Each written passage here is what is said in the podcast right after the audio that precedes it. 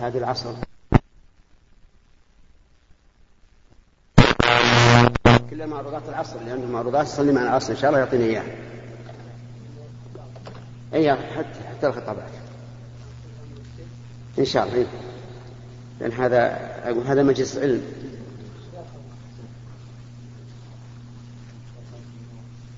آمين وإياكم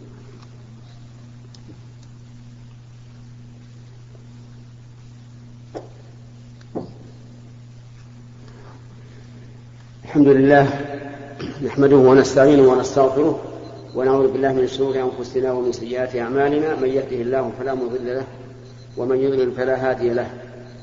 وأشهد أن لا إله إلا الله وحده لا شريك له وأشهد أن محمدا عبده ورسوله صلى الله عليه وعلى آله وأصحابه ومن تبعهم بإحسان إلى يوم الدين. أما بعد فهذا هو اللقاء السابع والسبعون من نعم. الثامن والسبعون من لقاءات الباب المفتوح والذي نسأل الله سبحانه وتعالى أن يجعل فيه خيرا وبركة هو اللقاء الذي يتم كل يوم الخميس من كل أسبوع وهذا هو الخميس الموافق للرابع عشر من شهر جماد الآخر وهذا هو. بلا بلا بلا, بلا خاص وهذا هو اللقاء. وهذا هو يوم الخميس الرابع عشر من شهر جماد الآخرة ونظرا لضيق الوقت فإننا نبدأ من الآن بالإجابة على الأسئلة. فنبدأ باليمين. يا شيخ مثلا واحد. ذهب العمرة وقص شعره. من قدام ومن وراء كذا هل عيدان ولا هذا الذي ذهب للعمرة وقصر يجب أن يكون التقصير شاملا لكل الرأس. ومن الخطأ أن يقص من جانب واحد أو من جانبين أو من ثلاثة أو من أربعة. لا بد أن يكون التقصير شاملا لكل الرأس. ولهذا نرى أنه لو أن, لو أن الإنسان استعمل هذه المكاين على نونة أربعة أو ما أشبه ذلك لحصل المقصود. فينظر إذا كان التقصير شاملا لأكثر الرأس كفى. وإلا فعليه فدية يذبحها في مكة ويوزعها الفقراء. عندك سؤال؟ يا شيخ جزاك الله خير.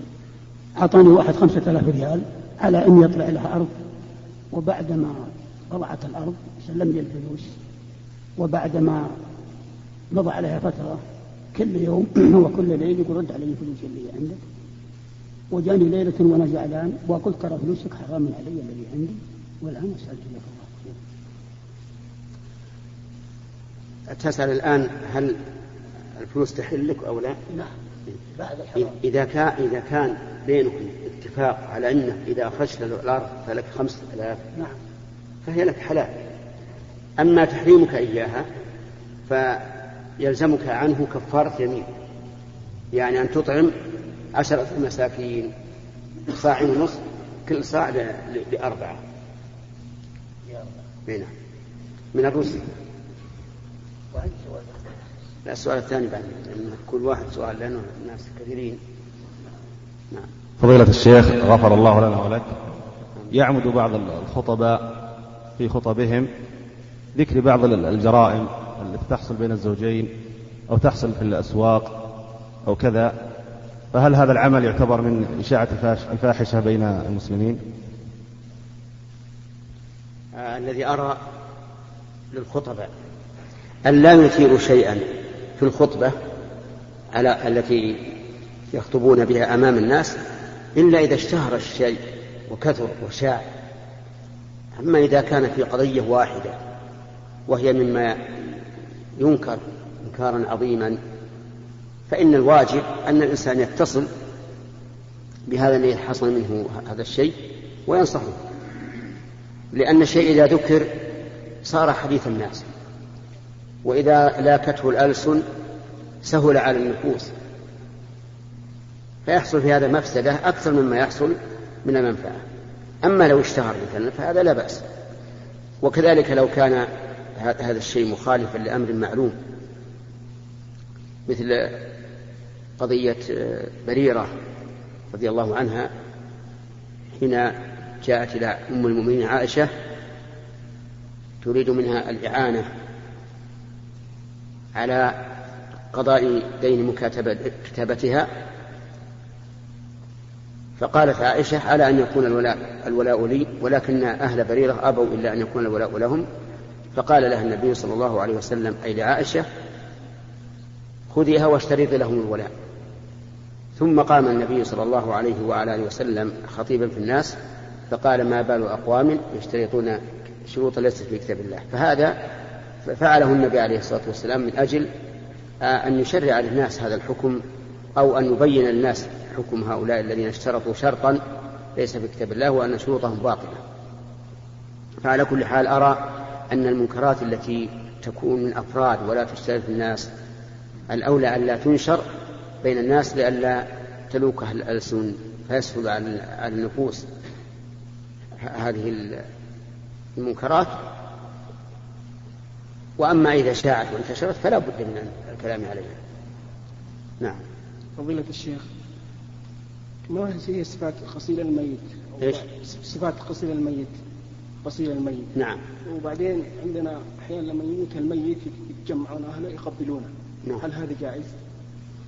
أما تقبيل الميت بعد موته فلا بأس به لأن أبا بكر رضي الله عنه دخل على النبي صلى الله عليه وعلى آله وسلم بعد موته وقد غطي صلوات الله وسلامه عليه. فكشف عن وجهه وقبله. وأما كيفية تغسيل الميت فالميت إذا مات يوضع على سرير التغسيل ثم يبدأ بغسل فرجه وما وما كان فيه ولا ولا ينظر إليه. يعني يجعل غطاء فيدخل الغاسل يده من تحت هذا الغطاء ويصل فرجي فرجيه القبل والدبر ولا يمسهما بيده أيضا بل يجعل على يده خرقة. فإذا فرغ من ذلك فإنه يأخذ خرقة مبلولة ينظف فيها ينظف بها أنف الميت وفمه عوضا عن المضمضة والاستنشاق. ثم يصل وجهه ثم يديه إلى المرفقين ثم رأسه ثم رجليه. لقول النبي صلى الله عليه وعلى آله وسلم للنساء اللاتي يغسلن ابنته ابدأن بميامنها ومواضع الوضوء منها. ويكون حينئذ قد أعد ماء فيه السدر فيضرب السدر بيديه ويخبطه حتى يكون له رغوة فيأخذ هذه الرغوة ويغسل بها رأس الميت. ثم بعد ذلك يغسل بقية البدن بالسدر. وعلى حسب حال نظافة الجسم. إذا كان الجسم نظيفا فالمرة والمرتين والثلاث يكفي. وإذا كان غير نظيف ويحتاج إلى زيادة غسل فإنه يغسل. لقول النبي صلى الله عليه وعلى آله وسلم للنساء اللاتي يغسلن ابنته يغسلنها ثلاثا أو خمسا أو سبعا أو أكثر من ذلك إن رأيتن ذلك. ثم ينشف بثوب ثم تطوى عليه الأكفان. أي طهارة؟ الغاسل يعني؟ لا ليس بشرط. نعم. يعني لا يشترط أن يكون الغاسل على طهارة. لكن العلماء قالوا إن الجنوب لا ينبغي أن يكون حول الميت لأن الملائكة لا تدخل بيتا فيه جنوب نعم. فضيلة الشيخ. لا لا سألته. لا ما سأل فضيلة الشيخ عندي بنت بغيبوبة. وإذا ما عافاها الله والله يفعل ما يشاء ويريد. هل أدفع برمضان عن وهي بغيبوبة الشهر؟ إيه نعم. آه، إذا كانت في غيبوبة في شهر رمضان. إيه نعم. فإذا فإذا تسع شهور يطال عمره. لا تسع شهور. إيه؟ فإذا عافاها الله. الله وقدرت أن تصوم فهذا المطلوب وإلا يطعم عن كل يوم مسكين. عافاك الله جزاك وإن توفيت قبل ذلك يطعم عن كل يوم مسكين. جزاك الله خيرا. نعم. بسم الله. آه، ورد فضيلة الشيخ في الحديث حديث علي رضي الله عنه حين طرق بابه النبي صلى الله عليه وسلم وفاطمة. آه، وقال لهم النبي صلى الله عليه وسلم ألا تصليان؟ الحديث الصحيح. استشهد علي رضي الله عنه بالمشيئة كما هو معروف أن أرواحهم بيد الله عز وجل. يقول ابن القيم أن احتجاج علي رضي الله عنه صحيح. ويقول فضيلتكم أيضا في التعليق على ذلك في التقريب التدمرية ولذلك لم ينكر عليه النبي صلى الله عليه وسلم. فما وجه آه، ضرب النبي صلى الله عليه وسلم فخذه وهو خارج قارئا قوله تعالى وكان الإنسان أكثر شيء جدلا. نعم. جزاك الله خير. وجه ذلك أن أن الأولى بعلي بن أبي طالب رضي الله عنه حين قال ألا تصليان؟ أن لا يقولها هكذا يحتج بالقدر. وإنما يختار عبارة أخرى أحسن من هذه العبارة. ولكن النبي صلى الله عليه وسلم لم ينكر عليه حين احتج بالقدر. وهذا يدل على ما ذكر في تقريب التدمرية أن الاحتجاج بالقدر على شيء مضى. أنه لا بأس به ويكون الإنسان إن كان ذلك معصية يكون نادما تائبا وإن كانت غير معصية كترك قيام الليل فإنه يكون تاركا للأفضل. نعم. فضيلة الشيخ حفظكم الله قال الله تعالى ما فرطنا في الكتاب من شيء. وقال تعالى ولو ردوه إلى الرسول وإلى أولي الأمر منهم لعلمه الذين يستنبطونه منهم. يا فضيلة الشيخ هناك شيء يعني اشتهر واستفاض الآن وما وهو ما يسمى بالسلام والتطبيع والصلح والاعتراف باليهود. فيريد الإنسان أن يعرف حكم ذلك لأن التحاليل أحيانا يعني تتعارض فيريد الإنسان أن يكون على بينة لئلا يعني يعتقد شيء يدين فيه الله سبحانه وتعالى ويتكلم بشيء إلا وهو يعني شيء صحيح. سمعه من أولي العلم, حفظكم الله. أولا قول الله تبارك وتعالى ما فرطنا في الكتاب من شيء المراد بالكتاب هنا اللوح المحفوظ. لأن الله تعالى قال وما من دابة في الأرض ولا طائر يطير بجناحيه إلا أمم أمثالكم. ما فرطنا في الكتاب من شيء ثم إلى ربهم مرجعون فينبئهم بما كانوا يعملون. ولكن الذي تريد المعنى الذي تريده هو قوله تعالى ونزلنا عليك الكتاب تبيانا لكل شيء. فالقرآن مبين لكل شيء. وأما قوله تعالى ولو ردوه إلى الرسول وإلى أولي الأمر منهم لعلمه الذين يستنبطونه منهم فهذا في قوم يذيعون ما يسمعون من خير أو شر أو خوف أو أمن. كما قال تعالى وإذا جاءهم أمر من الأمن أو الخوف أذاعوا به ولو ردوه إلى الرسول وإلى أولي الأمر منهم لعلمه الذين يستنبطونه منهم.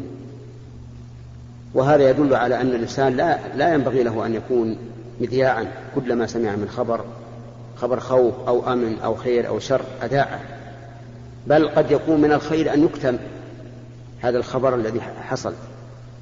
ولهذا كان من هدي الرسول صلى الله عليه وسلم أنه إذا أراد غزوة وراء بغيرها حتى لا يعلم ما يريد.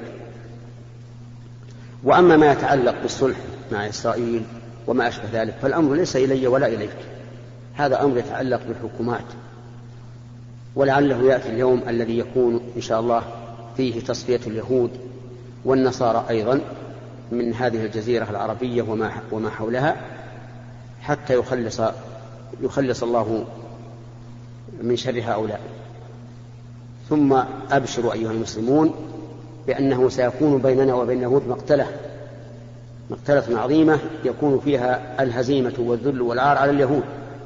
كما أخبر بذلك النبي صلى الله عليه وعلى آله وسلم أنه سيكون بيننا وبينهم مقتلة عظيمة حتى إن اليهودية لا يلوذ بالشجرة فتقول يا يا عبد الله هذا يهودي تحتي فاقتله. إلا شجر الغرقد فإنه من أشجارهم فلا يخبر عنهم. ونحن إن شاء الله تعالى نرتقب النصر الذي يكون للمسلمين على أعدائهم من اليهود ومن النصارى. ولا تنسى فعل النصارى في بلاد أخرى كالبوسنة والهرسك وكذلك أيضا في أماكن كثيرة من غير النصارى أيضا من الوثنيين والمشركين كمثل كشمير وغيرها. فالمهم أن المسلمين الآن تكالبت عليهم الأعداء ولعل هذا إن شاء الله تعالى مفتاح مفتاح للنصر والفرج. فانتظر أما ما يتعلق بالحكومات فأمره إلى الله عز وجل ونسأل الله تعالى أن يهديهم لما فيه الخير والصلاح. نعم. فضيلة الشيخ هل مرور المرأة يقطع صلاة المرأة؟ وإذا كان الجواب بنعم. كيف يوجه حديث أبي ذر في مسلم؟ يقطع صلاة الرجل المسلم. نعم. فقيده بالرجل. حفظكم الله. نعم. آه المرأة تقطع صلاة المرأة كما تقطع صلاة الرجل. وتوجيه الحديث الذي ذكرته هو أن الأحكام التي تذكر للرجال تثبت للنساء إلا بدليل والأحكام التي تثبت للنساء تثبت للرجال إلا بدليل. هذا هو القاعدة وهو الأصل. فإذا لم يكن هناك دليل صريح يدل على أن مرور المرأة بين يدي المرأة لا يقطع الصلاة أو مرور الكلب لا يقطع بين يدي المرأة لا يقطع الصلاة أو مرور الحمار وأريد بالكلب الكلب الأسود أو مرور الحمار لا يقطع. يعني قد يقول قائل مرور المرأة بين يدي المرأة لا يقطع الصلاة لأن نفس المرأة لا تتعلق بأختها بخلاف مرور المرأة بين يدي الرجل. لكن يرد على هذا الكلب الأسود والحمار. هذا لا لا يفترق فيه الرجال والنساء. فالصحيح أنه عام للرجال والنساء وأن تقييده بالرجل كغيره من النصوص الكثيرة التي تذكر الحكم معلقا بالرجال أو معلقا بالنساء والأصل تساويهما في الأحكام. نعم؟ للجنس. ألف الرجل للجنس. نعم. فضيلة الشيخ أثابنا وثابكم الله. فيه توفى والدي وأوصى بثلث ماله. الصدقة استحصل من المبلغ تقريبا 13000 الباقي تقريبا له ديون وحاجات يعني قارب حدود 75000 إذا المبلغ. ممكن على فترات طويلة استحصل مبلغ. فما هو أنسب شيء ممكن أن نعمل في هذا الوصية هذه؟ هو قال صدقة؟ إيه ثلث المال صدقة عنه. ثلث المال الصدقة عنه. هذه بارك الله فيك. أما ما حصلتم الآن من من من ماله فأرى أحسن ما يكون تجعلونه في مسجد في عمارة مسجد. شوفوا مسجد وما تشاركون فيه لأن المسجد صدقة جارية. كل المسلمين ينتفعون به في كل وقت وحين وأما ما يؤخذ من الديون فإذا كان الذي يؤخذ شيئا يسيرا مثل تأخذ مثل 100 ريال يكون له منها 33 ثلث تأخذ مثلا 30 ريال يكون الثلث عشرة. فكل ما أخذتم طلعوا ثلثه صدقة على الفقراء والمساكين.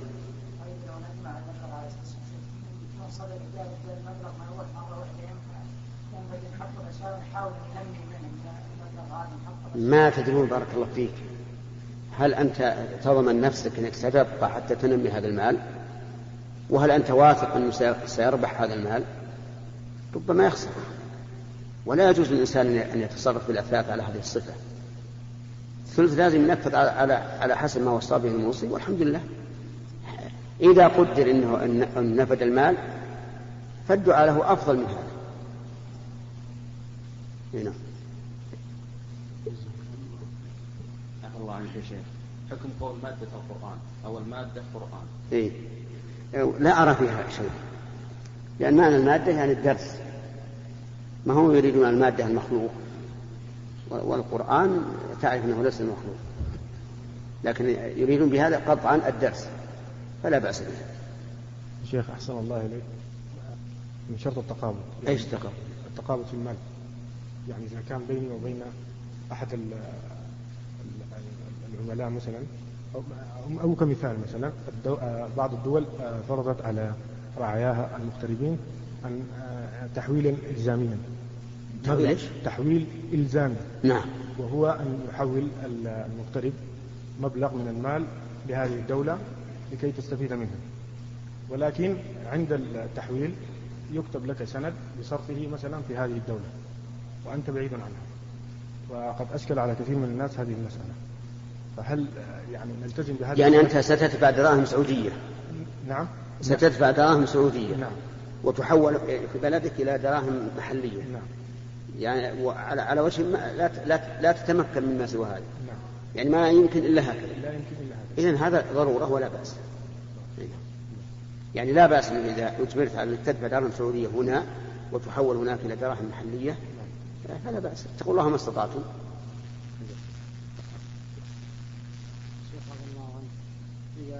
فرط من الحاكم حكم بغير ما أنزل الله.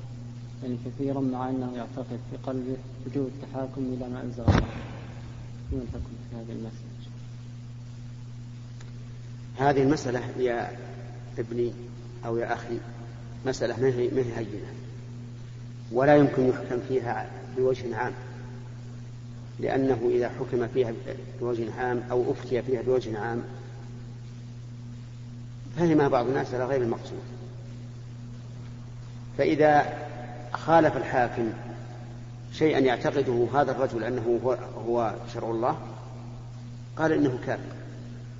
مثل ما يوجد الآن في الجماعات التي تكفر ولاة الأمور وتقول لأنهم حكموا بغير ما أنزل الله وهم لم يمحصوا المسألة ولم يدروها. فلذلك أنا أنا أرى أن سد الباب في هذه المسألة أولى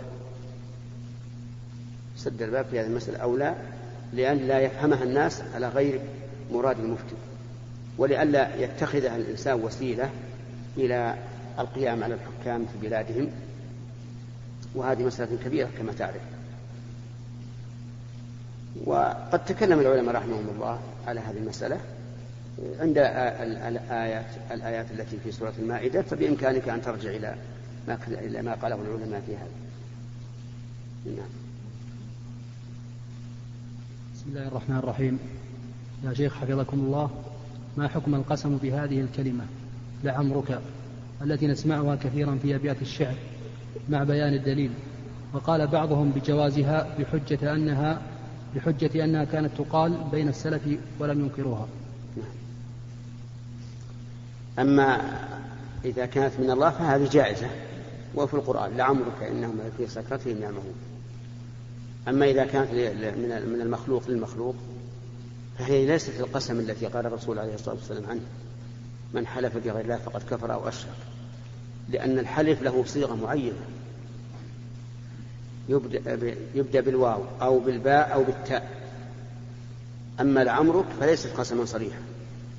ولهذا جاء في الحديث لعمري وجاء أيضا في الآثار عن الصحابة أنهم كانوا يقولون لعمري. أما لعمرك فلا فلا أذكر الآن أنها وردت عن السلف لا مقالا ولا إقرارا لكن لعمري وردت. وأظن أنه لا فرق بين لعمري ولعمرك لأنها كلها عم عمر إنسان مخلوق. نعم. فضيلة الشيخ عفى الله عنا وعنك. ما حكم الحيوانات المحنطة مثل التي تكون في المدارس؟ نعم. وهل يجوز الاحتفاظ بها في المنزل على هيئة تحف وزينة؟ الحيوانات المحنطة إن كانت مما يؤكل وذكيت بدون أن يقطع رأسها ثم حنطت فلا بأس بذلك ولا إشكال فيه لأن إضاعة المال الذي يكون في هذه الحال شيء يسير لا لا يضر. المال الذي يفوت على الإنسان إذا حنطها مال يسير لا يضر وربما تكون المصلحة منها آه، تؤدي إلى أن يكون هذا ليس إضاعة مال. أما إذا كانت من الأشياء المحرمة فإنها إذا حنطت ستبقى نجسة. ستبقى نجسة. والاحتفاظ بالنجس لا يجوز لأن النجس المطلوب إزالته والتخلي منه. ثم إنها إذا احتفظ بها ومسها الإنسان وهو رطب نجسته أو مسها وهي رطبة نجسته فلا فائدة منها. طيب حكم وضعها في الناس. لكنها هي ليست بصورة كما يظن بعض الناس يظن أن هذه مثل الصورة التي يصورها الآدمي وليس كذلك هي خلق الله عز وجل. طيب وضعها في المنزل كما قلت لك وش الفائدة منها؟ للزينة فقط. الزينة فقط من من الحيوان اللي يؤكل أو لا يؤكل؟ عرفت من هذا ومن هذا. الذي يؤكل كما قلت لك. إذا إذا ذكي ولم يقطع رأسه ثم بعد ذلك حنط فلا بأس. لأنه الآن طاهر. ليس نجس. لكن الذي لا يؤكل نجس. نعم. نجس إلا إلا أن العلماء استثنوا آه، ما ما لا يعيش إلا في الماء فإن ميتته طاهرة. واستثنوا أيضا ما مما يعيش في البر ما ليس له دم يسير. قالوا إن ميتته طاهرة لأدلة وردت في ذلك. فضيلة الشيخ حفظك الله. سؤالي هو كيف تزكى عروض التجارة؟ نعم. عروض التجارة هي الأموال التي أعدها الإنسان للتجارة. يعني ليس له غرض إلا أن يتجر بها. تزكى إذا حال الحول. قدرت قيمتها بما تساوي وقت حلول الزكاة. سواء كانت مثل ما اشتراه أو أقل وقتا.